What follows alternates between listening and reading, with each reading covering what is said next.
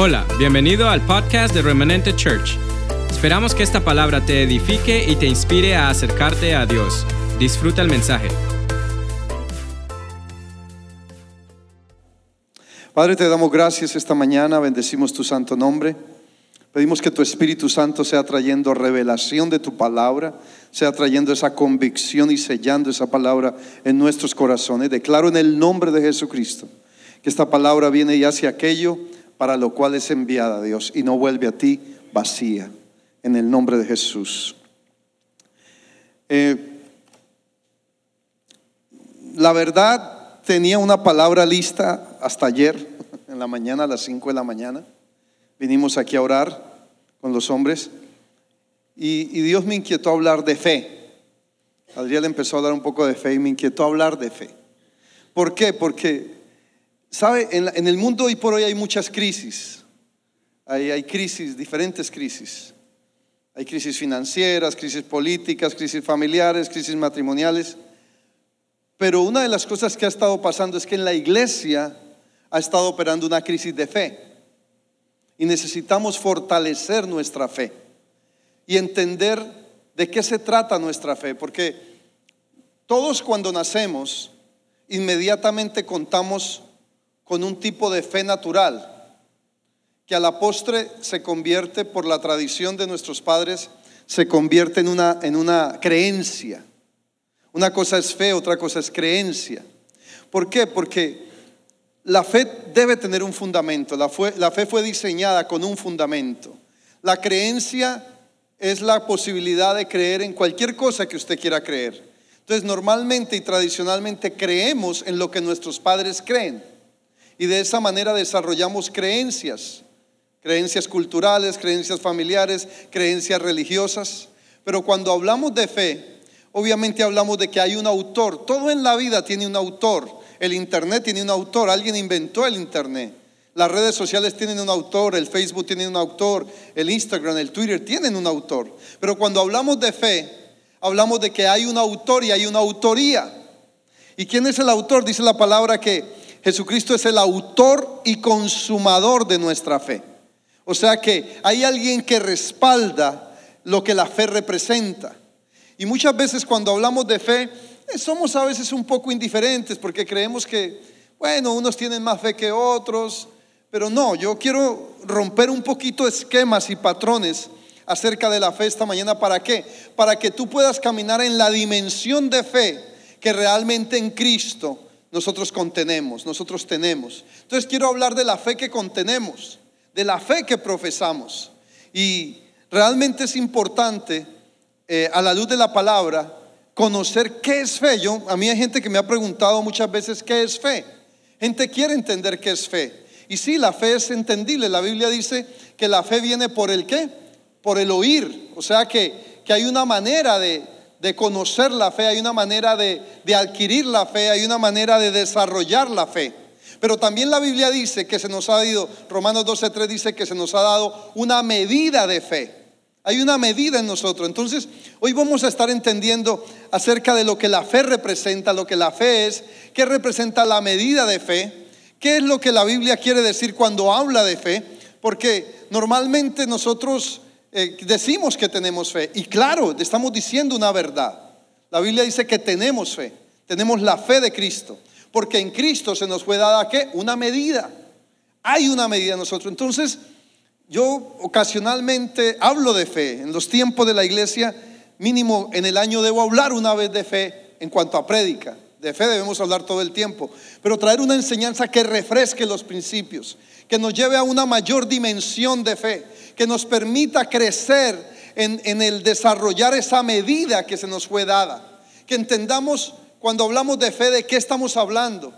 Dice la palabra que, nosotros tenemos fe, que, que, sin fe es imposible agradar a Dios. Claro que si también sin café es imposible agradar a Dios. Hace falta el café.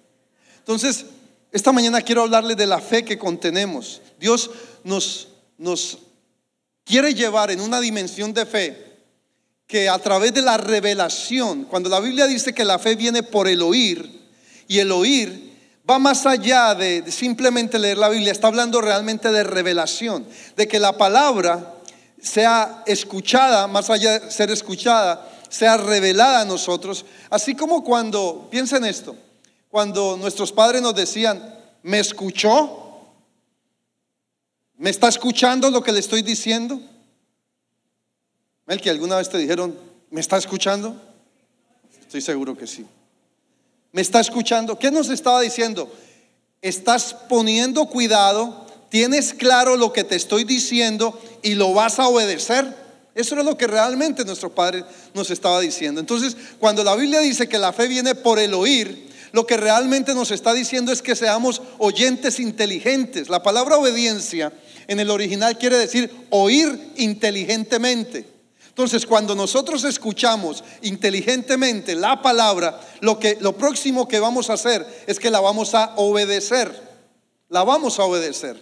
Entonces, yo quiero que usted abra su Biblia porque la revelación es lo que hace de la palabra en nosotros, hace que la medida que se nos fue dada sea liberada, de tal manera que podamos caminar en un ambiente, en una cultura sobrenatural. Los hijos de Dios fuimos creados para caminar en una dimensión sobrenatural. Lo sobrenatural fue creado para que tú y yo lo disfrutemos. Lo sobrenatural no fue creado para el cielo, fue creado para la tierra. En el cielo se vive sobrenaturalmente. En el cielo se libera lo sobrenatural, pero fue creado y liberado para que tú y yo, a través de la fe, lo, vivamos, lo, disfrutemos en la tierra. Tú y yo tenemos la capacidad, tenemos el derecho legal de caminar, de provocar lo sobrenatural. Y la fe, la medida de fe que Dios nos entregó es precisamente para que caminemos en esa dimensión sobrenatural. Amén.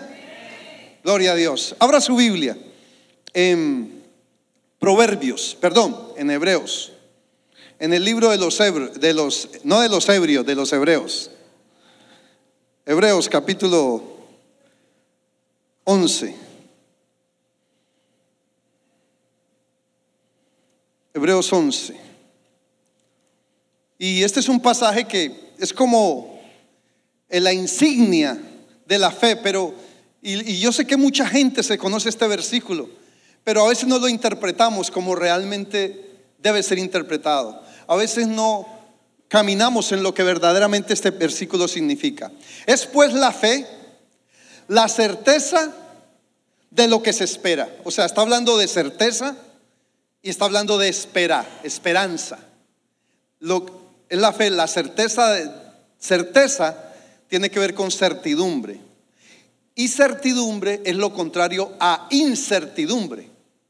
O sea que es pues la fe, la certidumbre, la certeza de lo que se espera. Pero también dice, es la convicción de algo. ¿De qué?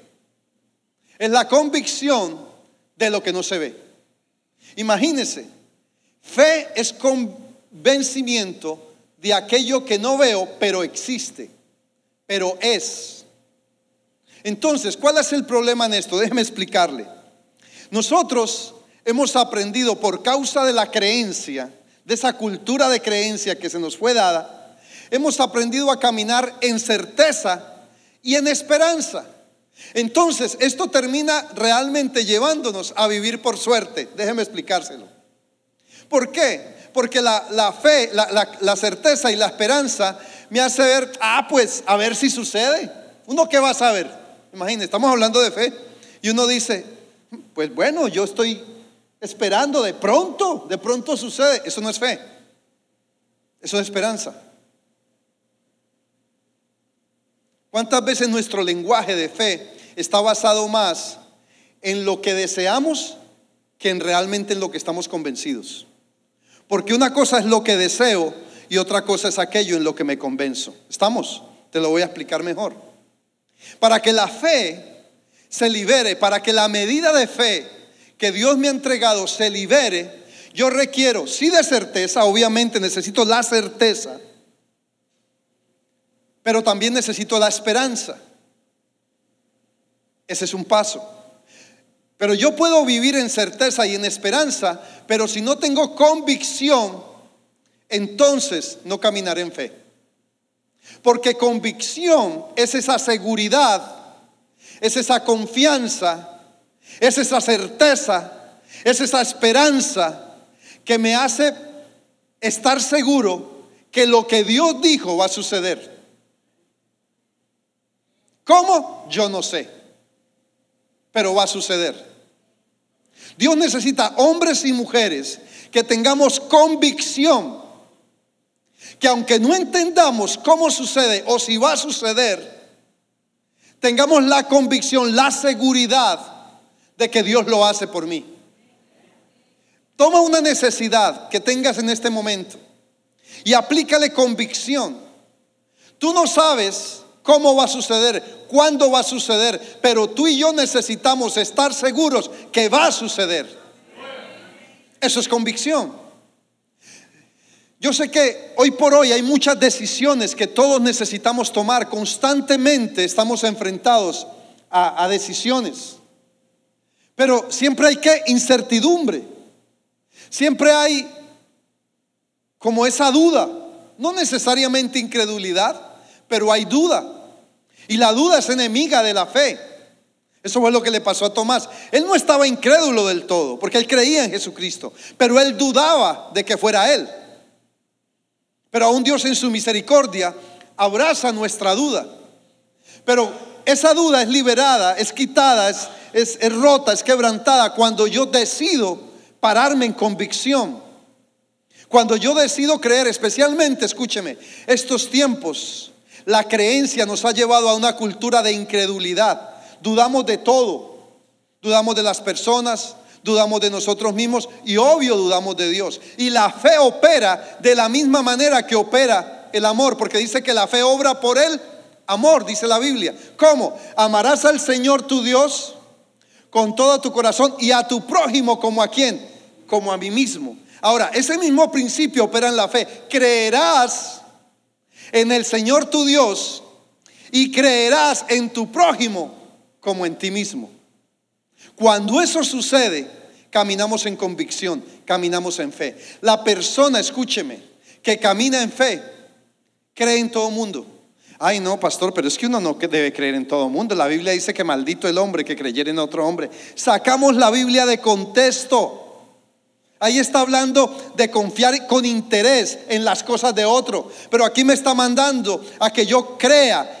¿Sabe una cosa? Cuando yo creo en Dios, realmente creo en las personas. ¿Por qué?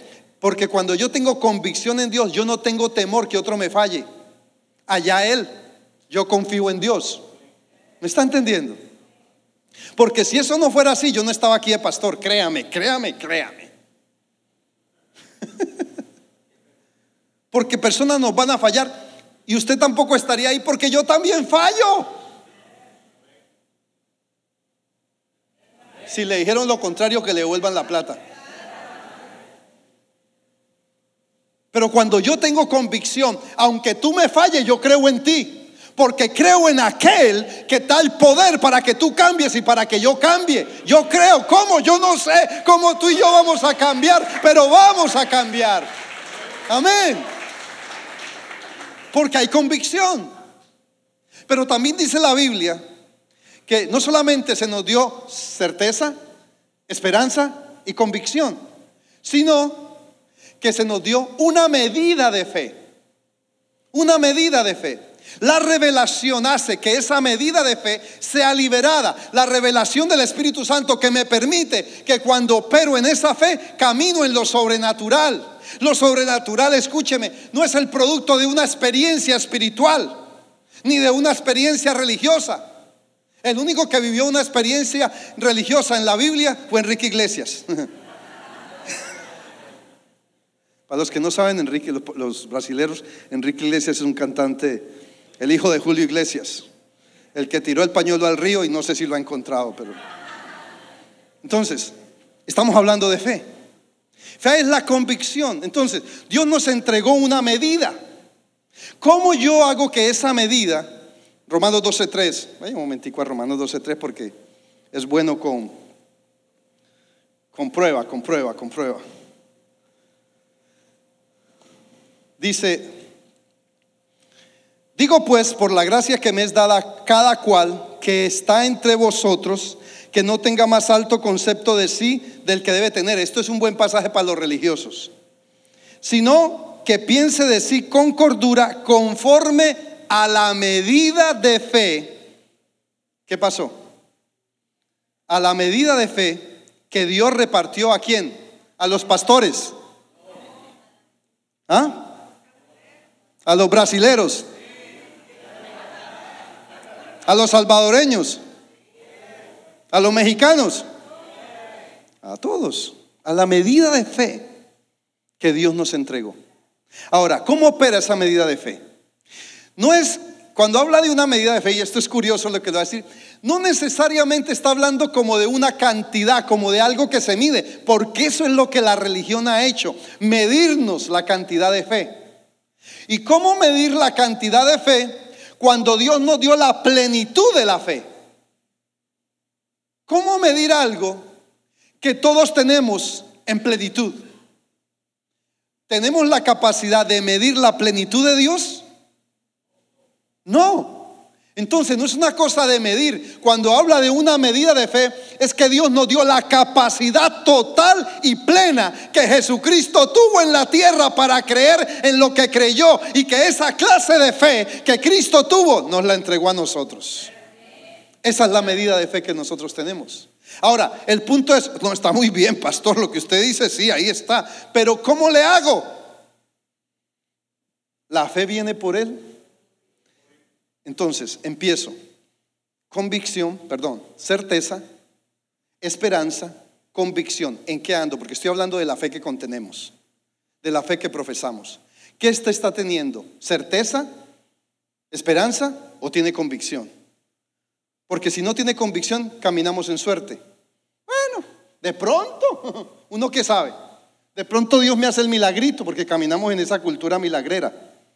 A veces venimos a la iglesia para que Dios me haga el milagrito. No, Dios no le hace el milagrito. Usted provoca el milagro por causa de la plenitud de la fe que Cristo depositó en usted para que usted opere en ella. Amén. Cristo no necesita fe. Dios no necesita fe para los milagros. Usted y yo la necesitamos. Amén. Entonces hay esa medida contenida en nosotros que nos permite liberar esa capacidad de fe que usted y yo necesitamos. Ahora, lo que ha sucedido, y esto quiero que lo entienda muy bien, es que la creencia, la cultura de creencia que hemos heredado, aún la cultura religiosa de la fe, porque hay una cultura, usted sabe que la religión es una cultura, y coge los principios y los convierte en unos preceptos y en unas reglas que es una cosa medio complicada, y yo no sé, ser religioso es la cosa más complicada de este mundo. Y entonces nos enseñó tontería y presunción. Nos enseñó tontería y presunción. Ya le voy a explicar. Porque hay tontería, hay presunción y hay fe. ¿Qué es presunción? Presunción es querer alcanzar algo por el sacrificio que hago. Presumir que me merezco algo. Querer adquirir lo que Dios da porque me lo merezco o porque hice un ejercicio religioso o porque hice un sacrificio. Eso es presunción. Tontería es cuando niego la realidad. Por ejemplo, la gente cree que fe es negar la realidad. Si usted tiene un dolor, pues lo tiene. La fe no es negar lo que sufres. La, la, fe no niega que tienes una necesidad. La fe no niega que tienes un problema.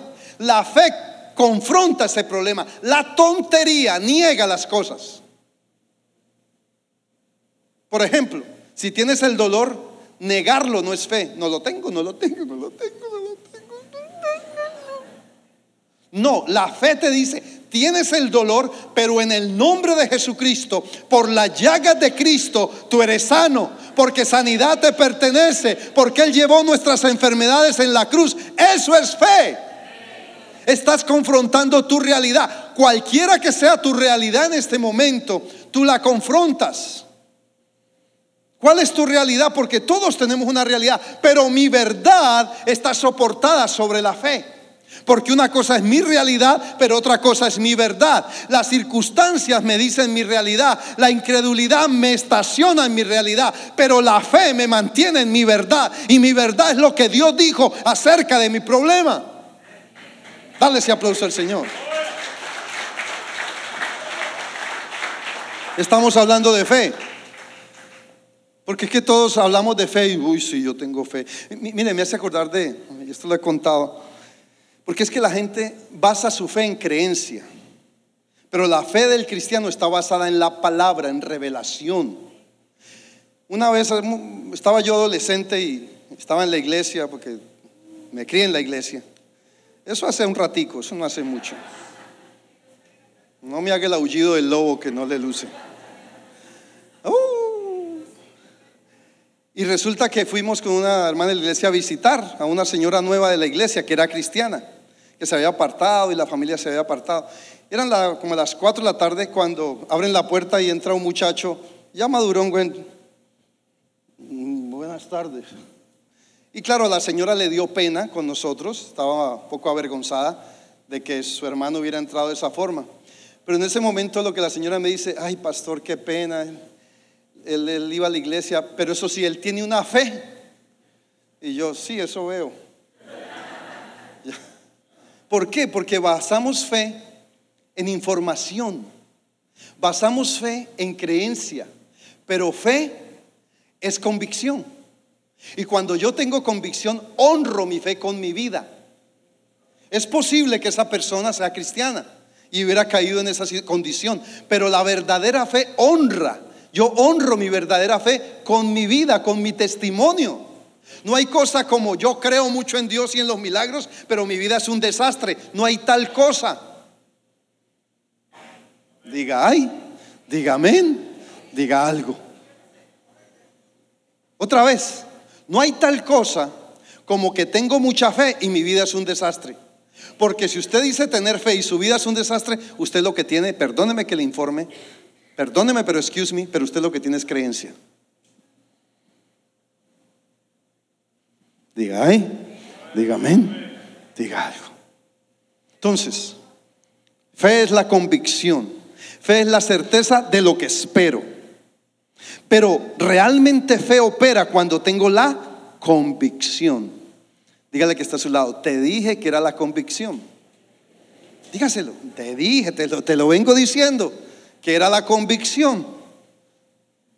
Entonces, tenemos fe, tenemos una medida, porque tenemos fe, escúcheme. Tenemos fe, no es que no tengamos fe. Yo no le estoy diciendo a usted esta mañana que usted no tiene fe. Lo que le estoy diciendo es que a veces operamos en creencia. Teniendo fe, operamos en creencia. Teniendo fe, operamos en suerte. ¿O cuántos no compran la lotería diciendo, ay, pronto me la gano, uno que sabe? No tiene convicción. Si usted tiene convicción que la va a ganar, pues la jugaría, la compraría. Pero usted empieza, no lo estoy mandando a comprar lotería, ojo, por favor, por si acaso. Va a decir, uy, el pastor, uy, el pastor como que juega, el pastor como que juega la loto. Yo,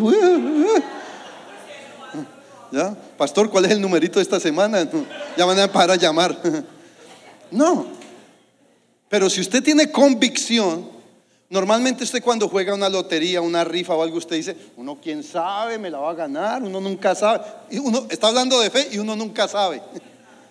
ya empezó mal. Pero fe es que la convicción Hay tantas cosas que nosotros hacemos sin convicción. Tantas cosas. Y por eso no suceden. Por eso si usted va a hacer algo que es bueno, que es agradable para usted, que es de Dios, hágalo con convicción. Mucho hágalo así en Dios. No, no fe ciega, no me malentienda. Pero hágalo creyendo que la fe es la certeza de lo que se espera, la convicción de lo que no se ve. La fe no empieza viendo, la fe empieza sin ver. No es ciega, parece una, pero empieza sin ver porque la fe es la convicción de lo que no se ve, no de lo que no existe, ojo. Ahí no dice, es pues la fe, no. Si usted ve, por ejemplo, una semilla, imagina que esto es una semilla. ¿Y, en ¿Y qué es fe? Que yo en esa semilla veo unos muebles, un púlpito de madera, una puerta, un buró, no un burro, sino un buró. Veo, un buró es una donde las mujeres se, se arreglan el cabello, el tocador es un tocador. ¿Por qué? Porque fe me hace ver que de esa semilla se va a sembrar se va a convertir en un árbol, alguien la va a cortar, la va a convertir en madera, va a llegar donde un ebanista, donde un carpintero y va a ser una mesa, va a ser un mueble, va a ser un, púlpito, va a ser algo con, ese, con esa semilla. Eso es fe. La fe es la sustancia que hace que las cosas se provoquen, se produzcan. Esa es la fe que nosotros contenemos. No es una fe eh, intangible en el sentido de, de que no tiene soporte. No, nuestra fe tiene soporte. Porque hay un autor de ella y es Jesucristo. Entonces, necesitamos convicción. Tenemos fe, no caminamos en tontería ni en presunción, caminamos en fe. Ahora, entienda esto. Y esto que le voy a decir es clave. Hay dos palabras, y esto siempre que hablo de fe tengo que explicar esto. Hay dos palabras para fe en el original. Una es en griego y otra es en hebreo. La palabra, eh, la palabra griega para fe es pistis. La palabra fe hebrea para fe es emuná. Pero increíblemente, aunque las dos hablan de fe, son significados en diferente idioma, su connotación realmente cambia, porque en el griego es esa fe pistis, es esa fe que me enseñaron que es como que yo necesito una cantidad de fe para determinado milagro. Como que, por eso es que decimos, ay, ore por mí para que el Señor me dé más fe. Suena como, ay, présteme algo de fe que yo le pago cuando me la devuelvan. Más o menos así suena. Eso es pistis, un tipo de fe que es como una cantidad. Ay, es que, a ver cuánto. No, es como cuando uno va a comprar algo, ay, no me alcanza. Y mira, ¿qué hago? ¿Será que uso la tarjeta de crédito? Ay, no, pero está llena. Pero ah, eso es más o menos ese tipo de fe. Esa pistis es como ese tipo de fe que, que yo necesito como completar con el último centavo para que mi milagro suceda. Eso es como esa fe que nos enseñaron que viene como de afuera, como que yo necesito recibir, como que ore por mí hasta que yo tenga la fe suficiente, porque este milagro requiere de más fe. Le voy a decir algo, paréntesis. La medida de fe que Dios nos dio, que Cristo nos dio, es la misma fe que necesito para recibir a Cristo, para ser salvo, para un milagro, para algo sobrenatural. Es la misma medida. Dios no calificó los milagros. Este necesita un 80% de fe. Eh, paralítico, 95%. Eh, gripa, no, ese con un 10% se sana. Para casarse, uy, ese necesita 100%. Así hemos caminado con la medida de fe. Le hemos puesto tarifa a los milagros. Le hemos puesto tarifa. Hemos puesto cantidad. ¿Por qué? Porque como es una medida, entonces hemos pensado en, en cantidad. Pero esa medida no tiene que ver con cantidad, ya te lo dije, tiene que ver con capacidad, con plenitud. Tú contienes la plenitud de la fe de Cristo. Amén. Dale ese aplauso al Señor. Entonces, está emuná. Emuná, esa es la fe que queremos. Emuná tiene que ver con naturaleza. O sea, es esa fe que es implantada en nosotros a causa de qué? De la palabra. Que provoca naturaleza de fe. No es como algo separado de Dios, porque Dios no es fe, Dios, perdón, Dios no provoca fe, Dios es fe. Él es fe. Los que tenemos que provocar fe somos nosotros, a través de lo que Él es en nosotros. Entonces la palabra me da esa capacidad, esa naturaleza de fe, emuná, que no importa el milagro, no importa la necesidad, no importa la circunstancia, no importa la enfermedad, no importa la necesidad financiera, tiene el poder en Cristo para que sea ejecutado mi milagro. Amén. Tenemos que aprender a caminar en esa dimensión, por lo menos empezar a ejercitar. Yo le voy a decir algo y me voy a meter en esto para ser más específico.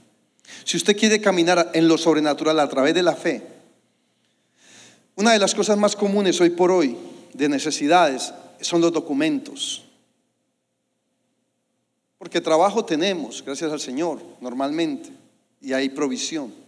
Pero si usted necesita sus documentos, crea que Dios lo trajo a este país para dárselos. Crea. ¿Cómo van a suceder? Yo no sé.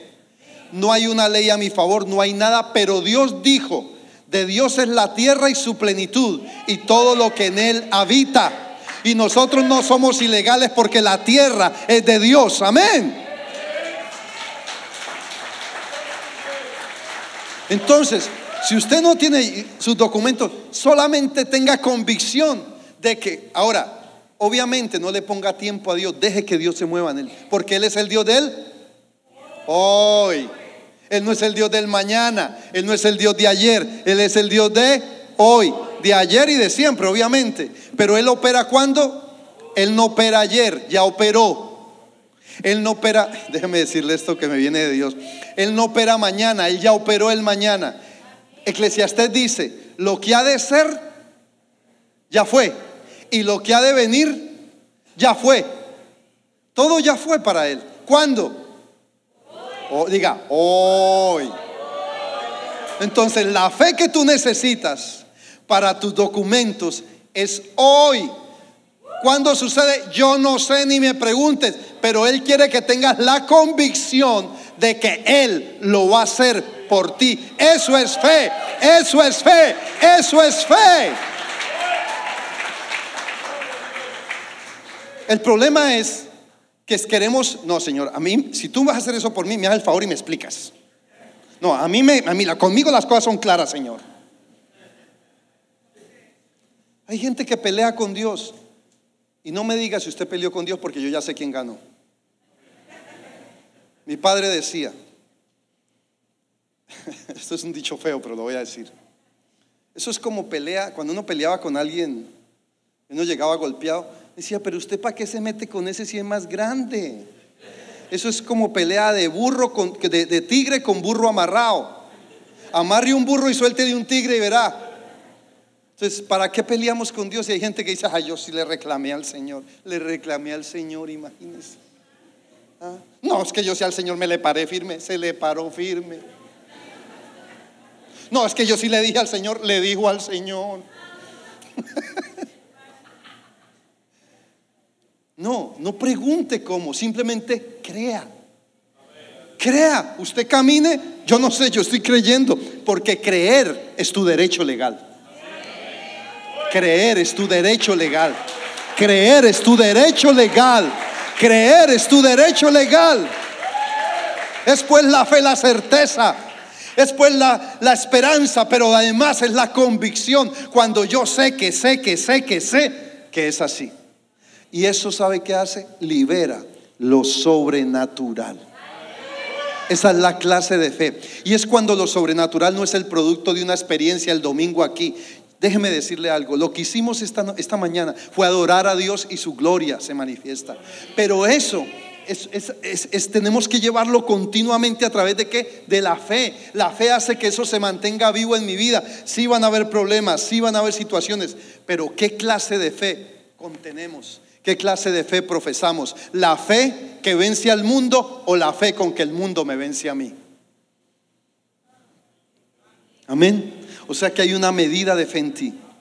Pastor, ¿cómo tengo fe? Simple, por la palabra. Porque si tú quieres revelación en tu vida y se convierta en sustancia, esto transforma. Cuando tú te decides vivir esto, aunque fallemos, porque vamos a fallar. La religión fue que nos dijo que teníamos que ser ahí de corbata y, y así, almidonados. Almidones, almidonados, acartonados. Así, todo así.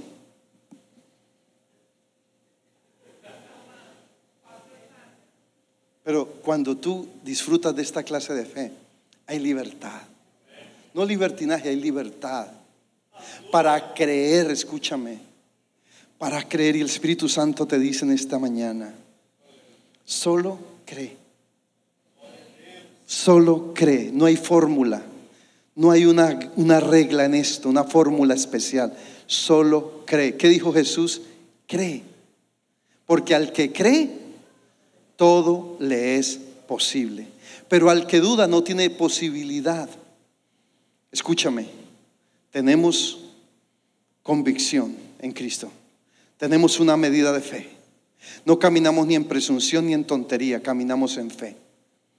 Caminamos en emuná. Pistis no nos ayuda. Emuná. La fe natural, la fe que nace de la revelación que está en ti a causa de esta palabra. Si tú quieres caminar en esa dimensión de fe, créeme, créeme, mira, empiezas a ver lo sobrenatural. Y cuando yo te hablo de lo sobrenatural, no te estoy hablando de que el Señor va a bajar en un ovni aquí esta mañana. Te voy a hablar de lo sobrenatural que tú no reconoces a veces. Cuando llegas a un parqueo y el parqueo está lleno y no sabes dónde estacionar y hay varios carros y al lado tuyo se va un carro y puedes entrar. Eso es sobrenatural. Cuando vas de afán y hay una tranca y de pronto se libera todo y sales porque Dios sabe que necesita que llegue rápido. Eso es sobrenatural. No, nosotros siempre estamos pensando que lo sobrenatural solamente es que se estire una pata, un pie, perdón. Que aparezca dinero encima de la mesa. Bueno, en mi casa a veces aparece dinero encima de la mesa que mi esposa lo pone y yo lo desaparezco. Entonces, no, lo sobrenatural es detalles de Dios en tu vida. Estás reconociendo lo sobrenatural de Dios en las pequeñas cosas, en cosas tan simples. En, ayer estaban dando testimonio los hombres aquí en la oración de cosas simples, pequeñas, que son sobrenaturales, pero que no las reconocemos porque Dios quiere que nuestra medida de fe sea liberada a la plenitud de Cristo, de tal manera que caminemos en la dimensión de fe que Él nos ha entregado. Tú tienes fe, tienes una medida de fe. Tú, escúcheme, Termino con esto. Proverbios, Hebreos 12. Quiero explicarle algo. Porque es que cuando vivimos en una cultura de la rapidez, del acoso, de la impaciencia, necesitamos cosas como estas que yo le voy a leer. Hebreos 12. Hebreos 12. 12.1. Dice, por tanto nosotros también teniendo en derredor nuestra tan grande nube de testigos, despojémonos de todo peso y del pecado que nos hace y corramos con paciencia la carrera que tenemos por delante. Esto es una carrera. Puestos los ojos, ¿en quién? En Jesús, el autor y consumador de la fe, el cual por el gozo puesto delante de él sufrió la cruz menospreciando el oprobio y se sentó a la diestra de trono de Dios. Paciencia. La palabra paciencia en el original es la palabra upomone. Y paciencia no es aquí como estamos acostumbrados, ay Señor, dame paciencia con esta mujer. No, no. Eso no es. Paciencia en upomone tiene que ver con una fuerza del Espíritu en nosotros que hace que tú no te doblegues ante la circunstancia ni ante los ataques del enemigo. Eso es upomone. Es esa paciencia. Es esa fuerza y esa capacidad de parte del Espíritu Santo para que no te doblegues ante las circunstancias, los problemas ni los ataques del enemigo. Upomone, paciencia. Es ese poder, esa autoridad de operar en la fe que Cristo operó. Cristo operó en Upomone en la cruz. Fue esa paciencia que él sabía que le iban a torturar, que le iban a hacer de todo, pero él esperó la voluntad del Padre y vio consumada la obra en la cruz para la redención de todos nosotros. Por eso él es el autor y consumador de nuestra fe. Dale ese aplauso al Señor. Aleluya. Amén. Bendito su nombre. Así que esta mañana tú te vas a parar de aquí con fe. Ah, que yo no siento. No, no sienta. Mejor si no siente. Pero usted tiene fe. Usted tiene una medida de fe. Empiece a operar. ¿Qué necesita? Piense en una necesidad que tiene dinero. Yo no lo tengo, pero yo creo que Dios va a suplir porque mi Dios pues suplirá todo lo que nos falta conforme a sus riquezas en gloria. ¿Tiene temor? ¿Tiene temor de, hacer algo, de tomar una decisión, de dar un paso? Pues Dios no nos ha dado espíritu de temor y cobardía, sino de amor, de poder y dominio propio. Así que párese ahí. Amén. ¿Está enfermo? Pues Cristo dijo que Él llevó todas mis enfermedades en la cruz. Dijo que sanidad me pertenece. Dice que por su llaga soy sanado. Pues yo lo voy a creer, aunque me duela. No lo niego, lo confronto. Ponte de pies. Eso es fe. Fe, fe. Sin café es imposible agradar a Dios. Sin fe es imposible. Pero ¿qué quiere decir ese imposible agradar a Dios? No es que Dios se vaya a enojar es que simplemente liberamos a través de su pomone, de esa paciencia, lo que Dios ha prometido para cada uno de nosotros. Amén. Incline su rostro, cierre sus ojos y diga, Señor, yo tengo fe. Estése ahí. Si aquí esta mañana hay una persona que no ha recibido a Cristo en su corazón, que no contiene esa medida de fe, Dios quiere darte esa medida de fe esta mañana. Y yo quiero que tú repitas esta oración conmigo. Diga, Padre, en el nombre de Jesús, perdona todos mis pecados y límpiame con la sangre de Cristo. Reconozco que Jesucristo murió en la cruz y resucitó por mí para darme salvación. Hoy me arrepiento y abro mi corazón para que tú vengas a morar en Él como mi Señor y mi Salvador. Dígale, escribe mi nombre en tu libro y dame vida eterna en el nombre de Jesucristo. Amén. Padre, yo oro por tu iglesia esta mañana. Yo clamo para que tu Espíritu Santo obre, liberando la medida de fe que tú nos has entregado. Que caminemos y corramos la carrera con paciencia, con derecho. Bendice cada vida, cada familia, cada hombre y mujer, cada niño, cada joven, con la medida de fe. Danos, inquiétanos a, buscar esa revelación, a obedecer la palabra, a oír tu palabra inteligentemente. Y que sea emuná, la fe natural, la fe que tú implantaste la que se manifiesta en cada uno de nosotros. En el potente y poderoso nombre de Jesucristo, yo oro en autoridad.